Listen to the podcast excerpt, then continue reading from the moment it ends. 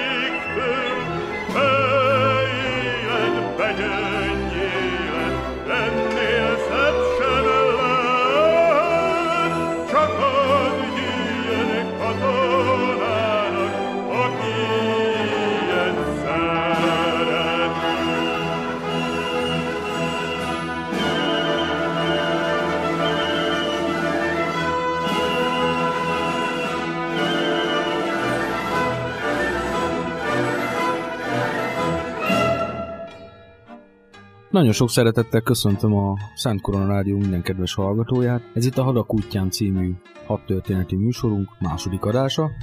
Mai vendégem pedig Ziherman István, hat történeti író, és belül fogunk beszélgetni. Hát először is magáról, az íróról, mint szeméről. Kérlek mutatkozz be a hallgatóknak. Tiszteltem a kedves hallgatóknak, az Érban Istvánnak hívnak, mint ez majd kiderült a felvezetőből. Kárpátaljai születésű vagyok egyébként, csak a, sor, a történelmi sors mintora miatt kicsit máshol szocializálódtam, ha lehet így fogalmazni. Kénytelen voltam bent élni egészen a Szovjetunió belsejébe, mivel hogy hát mindenki tisztában van a történelemmel, 1945-ben Kárpátalja lakosságát nem kérdezték meg, hogy melyik országhoz kíván tartozni. Volt egy pár ország így egyébként, főleg azok, akikből úgymond mi is kaptunk a visszacsatolások alkalmával. Hát akkor ezek szerint te iskoláidat sem itt Magyarországon, hanem odakint végezted, jól mondom? Igen, részben Kárpátalján, részben pedig egészen bent Oroszországban, Volgaparton, Toliatti városába, ami egy nagyipari monstrum. Lehet, hogy valakinek még beúrik, hogy ott gyártották a zsigákat. Igen, igen. A zsiguli az érdekes termék volt így a, a Kádár rendszerben. Először Luxus cikkek számított majd. Így van. Rengeteget kellett rá várni, ami azt illeti. Aztán amikor mégis megkapta az ember, akkor rájött, hogy hát erre nem, nem írta volna meg egy percet sem állni. Igen, hogy ez sem fiat, pedig annak indult. Igen. No, de visszatérve így a te életutathoz, neked ez a hat történeti, illetve a érdeklődésed honnan indult? Először is hol voltál katona, mert te azon szerencsések vagy szerencsétlenek közé tartozol, akik még voltak katonák. Rólam ez sajnos, vagy szerencsére már nem mondható el. Hát fogalmazok úgy, hogy több helyen voltam katona.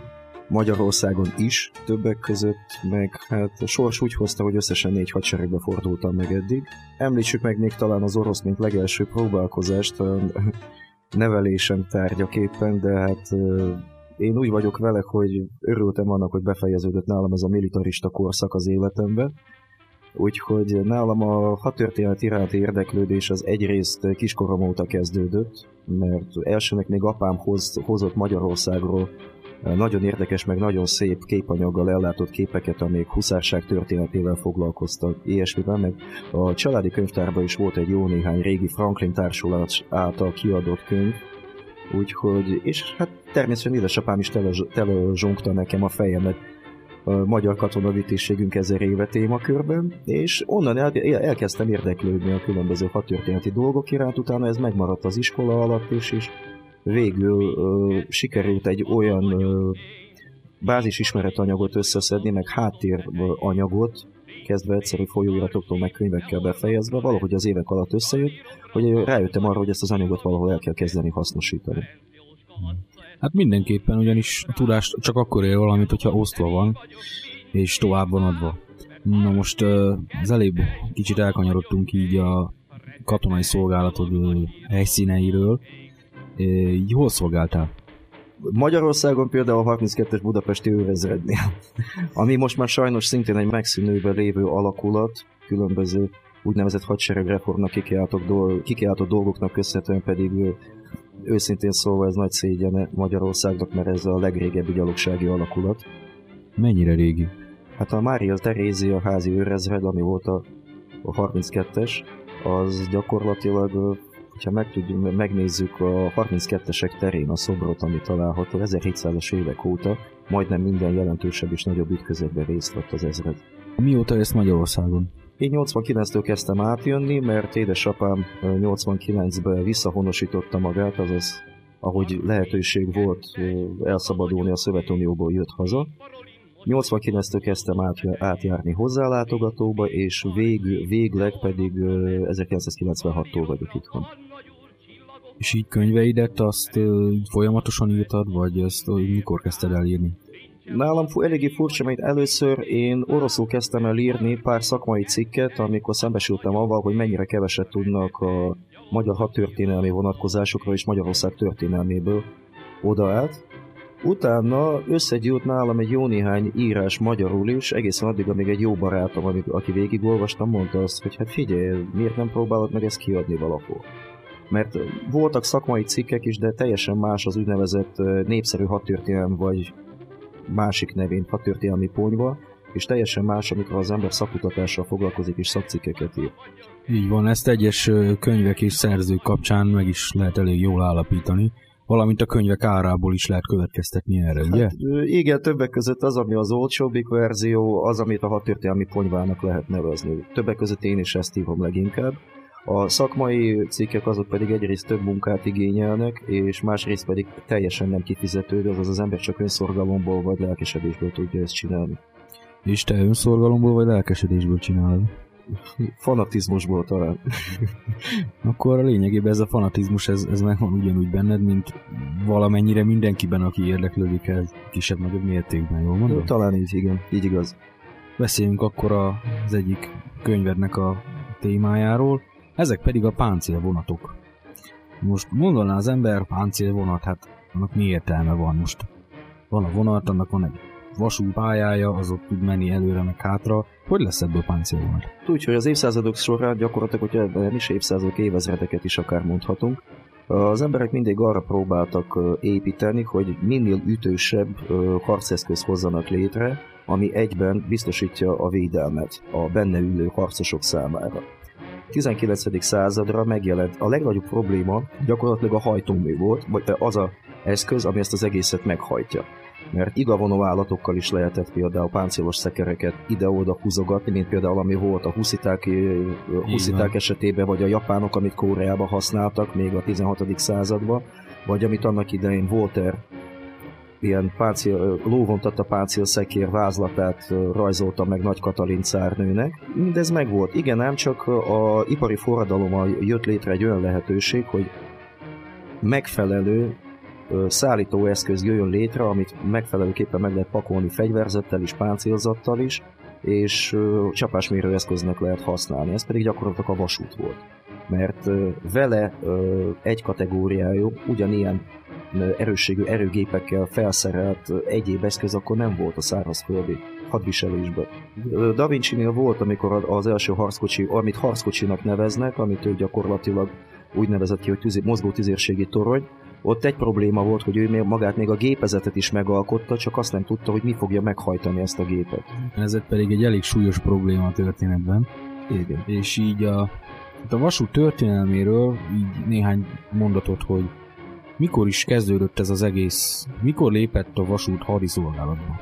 A vasút hadiszolgálatba állítása az gyakorlatilag már a események legelején megtörtént, mert ö, mindenki a vasútat úgy képzeli el, hogy van a gőzpöfögészeti tovalöködönc, a szerelvény elején, pedig 1820-as évektől Európában elég sok helyen voltak lóvontatta vasútok is, többek között Magyarországon is.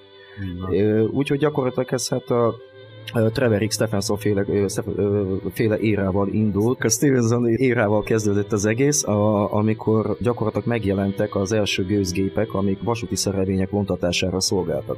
Méghozzá az egyik bemutató alkalmával éppen ő csinálta meg azt, hogy ha jól emlékszem 1836-ban, amikor egy grálátos szakaszt meg egy ágyút felpakoltak vasúti szerelvényre, és szépen egy körpályán bemutatták a tapsoló közönségnek. Ez egy ilyen tea délutáni bemutató maradt volna, elég sokáig, igen ám csak hát az ötletet ugyebár más emberek is szépen lassan kezdték átvenni. Például az első katonai szállítások vasúttal háborús időben, bármennyire is érdekes, de a magyar szabadságharc alatt történt. Pedig abban az időben Magyarországon még nem volt olyan nagy vasút. A magyar szabadságharc két dolgokba kapcsolódik ehhez. Az egyik ugyebár a harcászati vasúti szállítás, ami Budapest és Budapest és Szolnok között volt. Egész egyszerűen akkor Pest és Vác közt, valamint Pest és Szolnok közt volt egyáltalán vasútvonal. Igen, természetesen. A másik pedig Lengyelország területéről a Ugyanakkor történt meg az első stratégiai vasúti katonai szállítás is, ugyanis a, lengy- a három részre feldarabolt Lengyelország területéről az orosz csapatok Bécsig, osztrákok megsegítésére küldött hadtest szintén vasúti szerelvényekkel érkezett. Kocsistól, ágyustól, mindenestől. Beszéltünk harcászati szállításról és stratégiai szállításról, és hogy a hallgatók is értsék, ezek tulajdonképpen miben különböznek? Egyrészt mennyiségben, másrészt pedig magának az akciónak a távlataiban. Mert a harcászati szállítás az éppen egy adott feladatnak a végrehajtására, ott például kifejezetten egy hogyha úgy lehet, egy betörés kiküszöbölésére történt Magyarország területén. Viszont a másik szállítás arra kellett, hogy gyakorlatilag Ausztriát valahogy kihúzzák átmenetileg csávából, amiben belekerült, a magyar szabadságharcnak meg a honvédseregnek köszönhetőleg, távlatokban különbözik. Mióta szállít a vasút a hadseregnek? Gyakorlatilag, hogyha úgy vesszük, az 1830-as, meg 1840-es évek óta. Az első páncélzott vagonok nem egy nagy ötlet felrakni egy ágyút egy vasúti szerelvényre, Igen. és előni vele, szóval ez, ez így mikor kezdődött így a katonai vezetők fejében így megfogalmazódni, és gyakorlati formában megvalósulni? Gyakorlati formában formájában ez gyakorlatilag a krimi háború alatt jött elő az ötlet, 1853-ban, ugyanis akkor a cári Oroszország képtelen volt a déli határ, déli tengerpartot megvédeni egy esetleges angol-francia-török közös invázióval szembe, ami meg is történt később a, Krimfél, a Krimfél szigeten. És akkor jött egy ötlettel az egyik kereskedő avval, hogy mi lenne, hogyha felszerelnék a tengerpart mentén közlekedő vasúti szerelvényeket hajóágyukkal amivel gyakorlatilag egy mozgó erődrendszer tudnának létrehozni, amit a part, part mentén egyik helyről a másikra lehetne átdobni. Na most ennek két problémája volt, az ötlet önmagában érdekes visszhangot váltott ki Európa szerte, katonai körökbe, a franciáknak nagyon tetszett, pedig ők voltak a potenciális ellenség. Maguk az oroszok ezt két okból kifolyólag nem tudták megvalósítani.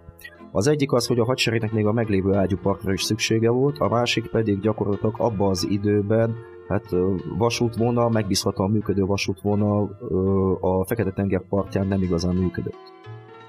És van az időben épül ki Európa szerte a vasúthálózat is. Gondolom ezzel párhuzamosan jött egyfajta fejlődés is így a páncélvonatok Igen. terén. Az első az az volt, hogy rájöttek arra, hogy ágyút lehet pakolni a vasúti kocsira. Ez jött a krimi háború alatt, viszont az ötletet tovább már a franciák fejlesztették és vitték tökére, egészen annyira, hogy ők voltak az elsők, akik szabadalmaztatták a saját páncél vagonjaikat 1857-ben. Ezért nagyon sokáig ők úgy próbálták ezt előadni, hogy a maga az ötlet tőlük származik, ami részben igaz, mert nekik sikerült elsőnek megvalósítani, azaz nem csak megtervezni. Hogy nézett ki abban az időben egy páncélvonat? Mert hogyha az ember így vonatra gondol, így, így elképzel egy általad említett vontatót, mögötte vagonokkal, ami megy, megáll, tolart, és így tovább. Hogy nézett ki egy páncélvonat abban az időben? Ez egy egyszerű platós kocsi volt, amelyikre felerősítettek egy ágyút, meg néha támasztó talpokkal állít, látták el. Mivel hogy rájöttek, hogy előre felé lehet lőni az ágyúval, de az minden attól függ, hogy a finomabb állítást, állításhoz már kellenek a vasúti pályának a kanyarulatai. Mert az ágyút csak mereven lehetett beállítani. Azaz a pálya mentén tudott lőni. Vagyis egy, a pályával egy irányba, Igen. Ugye? Ha pedig úgy tesszük be, hogy oldalra felé néz a tüzérségi löveg, akkor viszont támasztó talpak, támasztó talpak kellenek ahhoz, hogy ne boruljon fel maga a kocsi a lövések alatt, meg a lövések nyomán. És gyakorlatilag a páncélvonatok első debütálása, ja, és a páncéllemezeket ebben az esetben csak arra használták, hogy a kezelő személyzet védve legyen. Most így konkrétan mitől? A, mondjuk a puskalövedékektől? A puskalövedékektől, az ellenséges ágyuk kartástizétől vagy hasonlótól. Hát elsősorban ne felejtsük el, hogy az első páncélvonatok még Franciaországban is partvédelmi, partvédelmi eszköznek készültek. És hol volt az első nagyarányú bevetése ezeknek a, ennek a fegyvernemnek, mint páncél? Az első komolyabb debütálás az két helyszínen volt, az egyik az észak-amerikai polgárháború, azaz a szecessziós háború időszaka, akkor volt az, hogy a tüzérségi vagonokat, ami egyszerű ágyukkal volt, elsőnek a konfederátok, azaz a déli államok szereltek fel konkrét páncélvagonokat amelyik már a legénységet nem csak válaszfallal védte az esetleges repeszektől, hanem tetőszerkezetet is kapott, meg volt oldva az ágyú rejtése minden egyes lövés után. Illetve az északiak használták a vasúti tüzérséget, azaz nem páncélvonatokat, hanem konkrétan ágyukat, például Pittsburgh ostrománál. A következő bevetése az pedig az angol háború időszaka volt, mert az angolok még 1892-ben a szudáni kampány alatt alkalmaztak vasúti szerelvényeket, amit haditengerészeti ágyukkal szereltek fel. Utána pedig az angol háború alatt volt az, hogy megjelent, hát összesen a háború végéig több mint 30 páncélvonatot kaptak a britek, viszont már a háborúba is úgy léptek be, hogy volt 11 szerelvényük hogy nézett ki egy ilyen páncélvonat, mert az ez volt, ez lett volna a kérdésem, csak aztán elkanyarodtunk egy másik érdekesebb témára, illetve vonulatra, ami a következő kérdésembe vett volna a válasz. Most így a mozdony és a vagonok elhelyezése szempontjából kérdezem. Általában ezeknél az eszközöknél a mozdonyok egy vagy kettő általában a szerelvény közepén kapott helyet, hogy manőverezni tudja mindkét irányba. Ezeket is borították vagy kazánvassal, vagy páncéllemezekkel. Például az angol háború elején Mafekingben az első mozdonyokat hajókötelekkel. Úgy nézett ki, mint egy pulikutya az egész vonat, úgy is nevezték, hogy gyakorlatilag a brit hadseregben, hogy hajas mérinek, mert puskalövedékeket megfogta, és ez pedig fontos volt abból a szempontból, hogy a kazán ne sérüljön. Utána elől és hátul volt egy-egy vagon, amiben a gyalogság utazott, és esetleg a lőréseken keresztül tudott kilőni. Szerelvény elején és a hátán volt mondjuk egy-egy tüzérségi platform, azaz tüzérségi kocsi, amiben beépítettek általában könnyebb ágyukat. Említettél még egy olyan pőlekocsit, amire manapság konténereket raknak, azoknak mi volt a szerepük ezekben a páncélvonatokban? Na hát igen, hogy, hogyha már az angolból háborút megemlítettük, első ütközete az angoloknak éppen avval kezdődött, hogy a búrok felrobbantottak egy páncélvonatot, Sőt, a másik, hogy éppen a búrok kezdték el alkalmazni széles körben, úgyhogy az a világközvelmény elő is került a vasúti sínek robbantását. Amúgy a vasúti sínek robbantását elsőre a lengyelek használták az 1863-as szabadságharcuk alatt, illetve Észak-Amerikába, de ott nem szerelvények robbantásá, hanem pálya, magának a pályatestnek a rombolására. És ezek a platformok, ezek a pőrékocsik arra szolgáltak, hogy különböző aknákon vagy romboló tölteteken nem maga a szerelvény sérüljön, hanem ezek a pőrékocsik robbanjanak fel. És mi történt azután, hogyha fölrobbantották korábban a, magát a vasúti pályát, de akkor nem tudott tovább menni ez a vonat? Igen, akkor általában az a helyzet állt fel, mint amiben beleesett annak innen Sir Winston Churchill is, szintén Dél-Afrikában, ugyanis a szerelvényt ilyenkor vagy el kell hagyni, vagy pedig minél előbb meg kell próbálni megjavítani a pályát. Ellenséges pergőtűzben nem egy egyszerű feladat, jól mondom? Ö, igen, Churchillnek is később szeknie kellett a hadifogságba. Winston churchill majd külön adásban is fogunk foglalkozni. Az egyik könyvedben eléggé kimerítően értekezel a oroszországi páncélvonatokról, azon belül is az első világháborús és a polgárháborús időszakból. Igen, írtam többet róla, mert gyakorlatilag hát nem hiába volt az, hogy az orosz polgárháborút még úgy is szokták nevezni, páncélvonatok csatája, vagy páncélvonatok háborúja volt, mert az ország óriási nagy távolságai miatt és a meglehetősen gyér úthálózat miatt gyakorlatilag a vasúti pályák mentén mentek a legnagyobb ütközetek meg csaták. Ezért volt az, hogy a történelem során egyedül álló módon a legtöbb páncélvonat bevetésre, meg a legtöbb páncélvonat egyáltalán az orosz polgárháború alatt jelent meg. No, hát a továbbiakban még az ezzel az orosz vonallal fogunk foglalkozni. Most elmegyünk egy kis zeneszületre, és szeretettel várunk vissza mindenkit.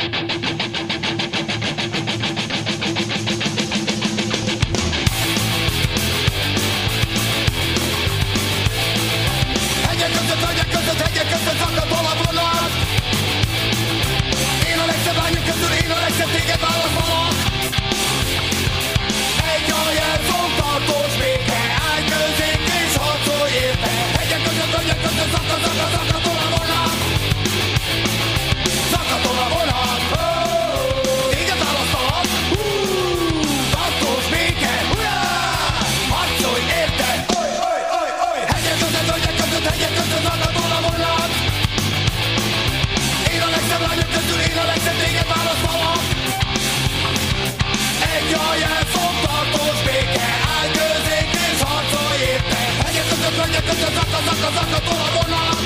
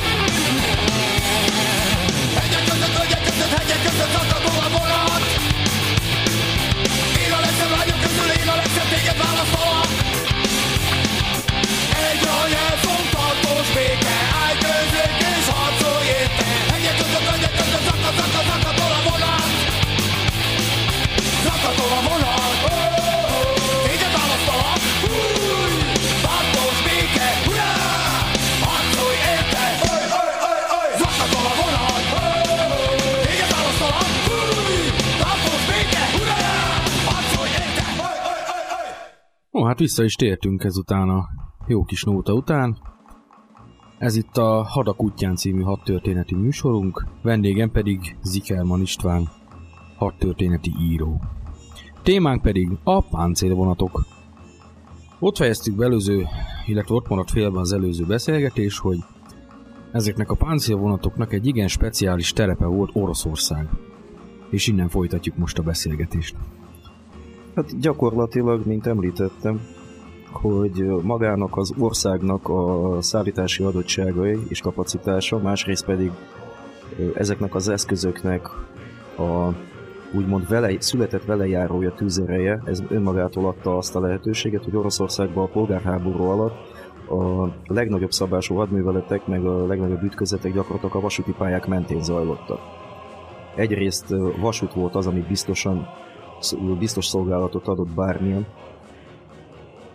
körülmények között, másrészt pedig a raktárak, a főbellátó központok, a komolyabb települések, városok, azok mind-mind a vasút mentén helyezkedtek el. Csak egy példát mondjam, nem véletlen példa, amikor a Csehszlovák légió, amelyiket ki kellett hajózni Szovjet-Oroszországból Franciaország irányába, gyakorlatilag úgynevezett Csehszlovák légió lázadása, amikor kitört, egy 30-40 ezres kontingensnek sikerült két-három nap alatt a Volgától egészen Vladivostokig megbédítani az ország működését. De gyakorlatban ez úgy zajlott, hogy szerencsétlen csehszlovákokat megpróbálták Trotsky parancsára lefegyverezni, ők pedig ezt zokon vették. Méghozzá az volt a probléma, hogy ugyebár mindenki tudja, hogy az első világháború végén komoly ellentétek voltak az osztrák-magyar monarchia nemzetiségei között. Itt pedig Omsk városába egymással találkozott egy cseh, cseh, csehszlovák légiósokat, szállító szerelvény, és velük szembe pedig ugyanazon a megállóban megállt egy szerelvény, ami tele volt magyar volt hadifoglyokkal, akik hazafelé tartottak. Hogy zajlott le egy harc egy ezekkel a páncélvonatokkal? Most, hogyha az ember elképzeli, hogy van egy vasúti pálya, most szemből jön egy vonat, szemből jön meg egy másik vonat, vagy ez, ez hogy zajlott le? Igen, ez az esetek többségében így történt. Szó szerint, mert általában mindig egy-egy ilyen vasúti szerelvény mellé tartozott egy vagy két felderítő páncélkocsi, vagy esetenként például, hogyha a folyók mentén közlekedtek, akkor volt őrnaszád, esetleg repülőgépeket még tudtak használni. Azaz a felderítési adatok miután befutottak, Ezután indult el maga a páncélvonat, és mögötte pedig a szervizszerelvény, azaz amelyik a technikai személyzetet vitte, a mérnököket, a javító útkarbantartó munkásokat, esetleg a katonákat, és ez szépen lassan két ilyen szerelvény a nagy transzibériai vasút kellős közepén találkozott egymás, és két, két és fél-három kilométer távolságból elkezdték lőni egymást. Említettel még ilyen felderítő motorkocsikat. Ezek hogy néztek ki?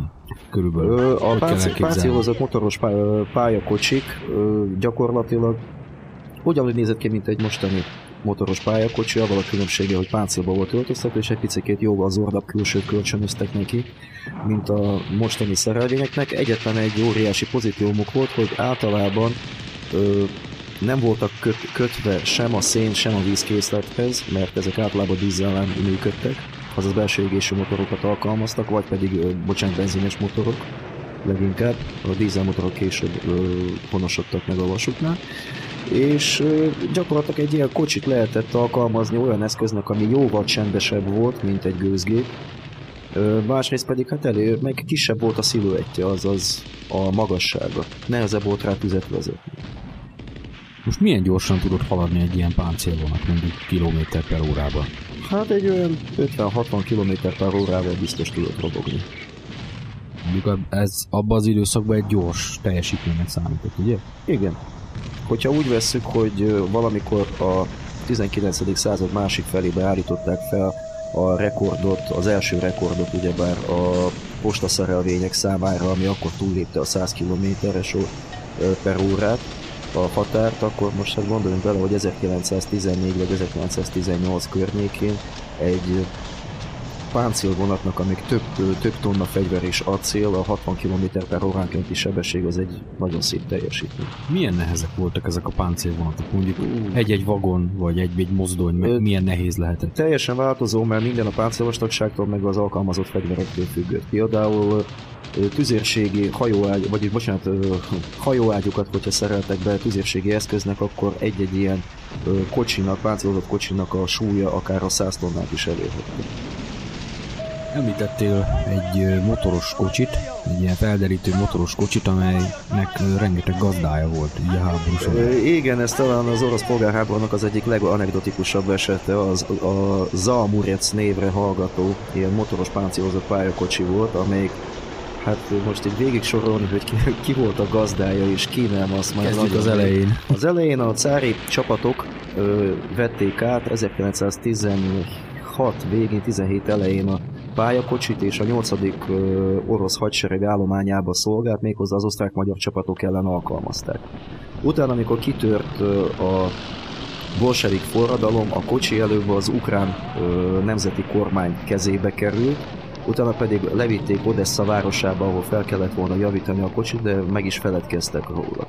Hát Odessa városának ugyebár a szervezet bűnözői ö, alkalmazták ezt a pályakocsit arra, hogy védelmi pénzeket gyűjtsenek be a helyi parasztoktól. Magyarán szóval egy ilyen pályakocsival megérkeztek, kiszálltak és mondták, hogy gyerekek, látjátok a géppuskákat meg az ágyukat? Hát látjuk. No, mi meg nem látjuk a búzát. A kolbászt, a kenyeret meg a többi, ami jó lenne, hogyha itt lenne most. Hát a vége ez egészen addig volt, amíg a Dibenko vörös komiszár és ex-matróznak az emberei, akiket előtte nagyon csúnyán megvertek a németek Ukrajnába, nem éppen Odessa felé vonultak vissza, mert meglátták ezt a szép kis szerkentyűt, és mondták azt, hogy nekik ez kell. Hát igen, nem, az odesszai bűnözőknek egy más lett volna a véleményük, csak hát ugyebár úgy látszik, hogy a, a, nagyon mogorva matrózokkal nem kellett bajszot akasztani, mert a végén a kocsit elvitték. Na most ezek után a szerencsétlen pályakocsi kétszer vagy háromszor cserélt még gazdát, hol a vöröseknél volt, hol a fehér gárdánál. Most és egy ilyen gazdacserélés hogy zajlott le? Ez úgy zajlott, hogy az a legénység, amely kevésbé bírta a támadást, az elhagyta a szerelvényt, vagy pedig, hogyha felrobbantották a síneket a szerelvény előtt és mögötte, kiürítették a kocsit, és hogy hagyták a győztesnek. A győztes meg összeszedte, feljavította, és megint rendszerbe állította. Végeredményben pedig a pályakocsi a fellázadt Csehszlovák légiónál kötött ki, és Orlik néven egészen Vladivostokig ment, ahol előbb a japánok birtokolták, majd később, hát a legvégén inkább azért sok gazdát cserélt. A legvégén 1949-ben bontották le, és akkoriban ez a páncélkocsi már a kínai néphadseregnek volt a tulajdona. Akkor elmondható róla, hogy legalább tíz országnál szolgált, Magyarán szóval, hogyha úgy vesszük, meg a távolságokat is bekalkuláljuk, akkor ez egy ilyen szárazföldi Nautilus története. Ném, már csak egy Némó kapitány hiányzott volna hozzá. Magyarországnak, illetve az osztrák-magyar monarchiának voltak-e páncélvonatai? Természetesen mindkét világháborúban ö, voltak, ebből a szempontból például az érdeklődőknek tudom ajánlani a Magyar Királyi Honvédség fegyverzete nagyszerű Zrínyi kiadványt, ami volt annak idején. Biztos, hogy könyvtárokban megtalálható. Ott bővebben értekeznek a magyar ö, páncélvonatokról, ö, páncélozott pályakocsiról és azoknak a történetéről. Az első világháborúban tudunk-e olyan ütközetről, ahol magyar páncélvonat harcolt? Ö, biztosan. Én megmondom őszintén, most ebben a részletben ennyire nem készültem, így nem tudom elmondani, de biztos, hogy akadtak ilyen ütközetek is. És a második világháborúban? Második világháborúban nagyon érdekes, mert a második világháborúban éppen a napokban olvasgattam a úgynevezett tizedik pályavédelmi NKVD hadosztály, amelyik éppen a Kárpátokban az alagutak meg a Kárpátokban lévő hidak védelmével volt ellátva. Ő ütközött meg a magyar csapatokkal 41 elején, és veszítettek két páncélvonatot, és mind a kettő a magyar királyi honvédség tulajdonába került. És az is biztos, hogy a 75-ös páncélvonatot, amit ott hagytak, utána már magyar személyzettel, pár napra rá a 77-es számú szovjet páncélvonattal tűzpárbajt vívott, úgyhogy a 77-esnek a legénysége elhagyta a szerelvényt, és hát az is valószínűleg a magyarok zsákmányáról jutott. Ezek közül a páncélvonatok közül maradt fönt például? A magyar, a magyar páncélvonatok közül biztosan, mert most pontosan nem tudom megmondani, azt hiszem, hogy Szlovákiában található pár kocsi, az egyik magyar páncélvonatból.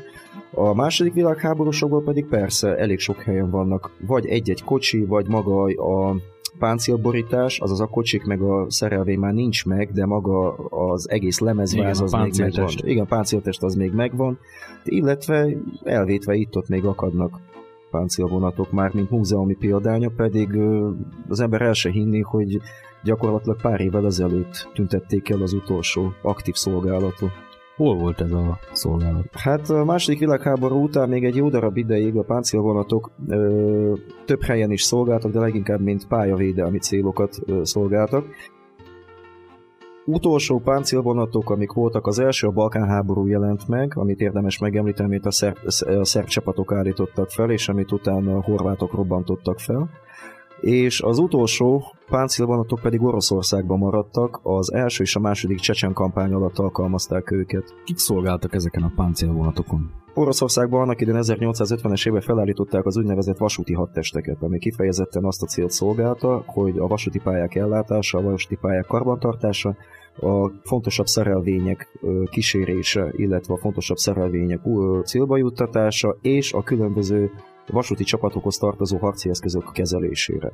A világon más-más testülethez tartoznak a vasúti katonai járművek vagy vasúti katonai csapatok, mikor, mikor kihez most itt nehéz megmondani, és hát például egyet mondok, hogy nagyon sok esetben vasúti szállítása történik a stratégiai nukleáris csapásmérő rakéták szállítása, igen. Éppen ezért az ilyen szállításoknak a lebonyolítását és a védelmét szintén vasúti katonai csapatoknak kell biztosítani. Most van egy olyan legenda, ami szerint az orosz forradalomban ezeken a páncélvonatokon lényegében matrózok szolgáltak. Többségében igen, mert az volt az egyik legmegbízhatóbb testület. Talán a matrózokba annyira bíztak, mint az internacionalistákba. Azaz a matrózok eleve is az orosz flottában mindig a legrenitensebb rétegből kerültek ki. Magyarán szólva, gyakran a cári időkben is már a flottát gyakran büntetésnek alkalmazták. Azaz, mint máshol a kötelezték katonai szolgálatra az embert, a cári Oroszországban például elég gyakran volt az, hogy hát matróz, a haditengerészeti szolgálatra kötelezték az ember kisebb vétségekért. Ezért volt az, hogy egyrészt a bolsevi kormánynak a legnagyobb támogatói természetesen ebből a renitens rétegből kerültek ki, hát illetve olyan internacionalisták szolgáltak ezeken a vonatokon, akik gyakorlatilag hát köztük alig akadt orosz. Németek, magyarok, lengyelek, kínaiak, nagyon vegyes felvágott volt. Hogyan öltöztek ezek a katonák? Ha lehet, lehet őket az egyes számú divat abban az időben a bőrruha volt. Bőrnadrág, bőrkabát, bőrsapka. Ennek két oka volt. Az egyik az, hogy ez egy tűzveszélyes műszak volt, gyakorlatilag egy ilyen páncélvonat, és a bőr kevésbé ég. A, ma, ma, úgy értem, hogy maga a bőrruha. A másik pedig egy alapvető dolog, hogy hát az orosz polgárháború alatt a legnagyobb veszteségeket nem is a frontharcok okozták, hanem a tifusz járvány azaz magában a bőrruhában a tetű nem kelt ki. Igen, ez is egy apró szelete a dolognak. De viszont egy nagyon jellegzetes egyrészt, a másrészt pedig egy nagyon fontos szeglete volt abban az időben. Említettél az egyik könyvedben egy esetet, amikor a, egy páncél vonat megállt valahol két állomás között, ugyanis elfogyott a tüzelőanyagja, a szene. Igen, amikor gyakorlatilag szétszették a közelben lévő temetőnek a sírkeresztjeit is azokkal fűtöttek, hogy tudjanak tovább menni. Hát igen, ebből a szempontból is, hogyha megvizsgáljuk egy természetesen egy eléggé brutális és embertelen cselekedet emberi szemmel, ha pedig katona szemmel nézzük, akkor gyakorlatilag abban az időben tényleg egy univerzális harci eszköz volt egy ilyen páncélvonat. Egy feltöltéssel körülbelül milyen messzire tudott egy ilyen szerelvény eljutni? Ha két állomást nézzük, az egyik a Caricin környékén voltak a legnagyobb ütközetek páncélvonatok alkalmazásával, és ott a két állomás közötti távolság körülbelül 150-200, hát akkor verstában mértek. Verst az körülbelül annyi, nagyjából majdnem annyi, mint egy mérföld. Vagyis olyan 1800 méter? Ugye az a tengeri mérföld? Az a tengeri mérföld. Ez 1600 méter körül van, és gyakorlatilag jó, többféle mérföld van, de most 1600-nál maradjunk erre kicsin. Hát gyakorlatilag egy mennyi lesz. Egy feltöltése így két állomás közt, akkor biztos tudtak. Hát el tudod gördülni, az bőven neki elég volt. A legnagyobb problémát nem is a, izé, a szénkészlet jelentette, mert a leggyakrabban vizet kellett után tölteni. Igen, az, hát... volt a, az volt a leginkább a fogyóeszköz a gőzmozdulók esetében. Lényegében elég kiveséztük ezt a páncélvonat témát. Uh, a további műsorokban is igénybe fogom majd venni a szakértelmedet, és ha minden igaz, akár állandó műsorvezetőnként is majd szeretnék rád számítani. Nagyon szépen köszönöm a megtisztelő meghívást. Volt -e ezeknek a páncélvonatoknak, illetve páncélvonatosoknak, hogy hívták ezeket oroszul? Volt így nevük külön? Ennek nem volt, mert érdekes, hogy a páncélvonatokat rövidítés miatt Bepónak nevezték, még az hivatalos iratokba is. Ez a Bepó, ez milyen elnevezés? Ez Brnyi Poest, azaz, hogy páncélvonat abból jön a szóból, és csak egészen második világháború kezdeték Bepó volt a megszólítása a páncélvonatnak, minden hivatalos iratban. Volt-e ezeknek a katonáknak olyan zenei indulójuk, vagy olyan kulturális hát hogyha őket kulturálisnak lehet nevezni, emlékük, amit érdemes ilyen szempontból megemlíteni. Hát így konkrétan nem, lehet, nem tudok mondani ilyesmit, mert többek között gyakorlatilag az a probléma, hogy a szovjet érában nagyon sok dal, ami katonadal lett, azok eredetileg még a cári idők átírt dalai. Most, hogy egy konkrét példát mondjak, például amit Magyarországon is mindenki úgy ismer, hogy az Amuri partizánok dala, vagy Amuri partizánok indulója, az eredetileg 1905-ös szibériai lövészek indulója, csak a vörös verzióban, amikor átírták a katonák füle, füle, füle számára abszolút szokványos dallamokat más szöveggel, úgy honosodott meg, hogy mindenki azt hiszi, hogy ez már majd minden munkás mozgalmi induló. Mellesleg az ellenkezőt is el tudom mondani, mert ez a ellentábornál is ugyanígy ment, mert például ugyanez az Amuri partizánok dala a Fehér Gárdánál úgy volt ismert, mint a Drozdovszki ezred indulója. Úgyhogy ez is egy ilyen újabb érdekes vonulata. Már egy kicsit már kalandoztunk ki a katona zenei, meg egyéb világába is. Hát nagyon szépen köszönöm a beszélgetést, és a továbbiakban fogunk még szerintem fog, meg foglak még hívni vendégként, és akkor kicsit igyekszünk kicsit jobban felkészülni ugye az egy-egy adásra. Uh, no, hát, hát ez volt a Hadak útján című hadtörténetű műsorunk második adása. Ez a műsor is letölthető a Szent Koron Rádió honlapjáról, valamint ismétlésben meghallgatható a műsorosságban felkintetett időpontok szerint. Legközelebb egy hét múlva találkozunk, addig is uh, bírjátok ki. Thank you.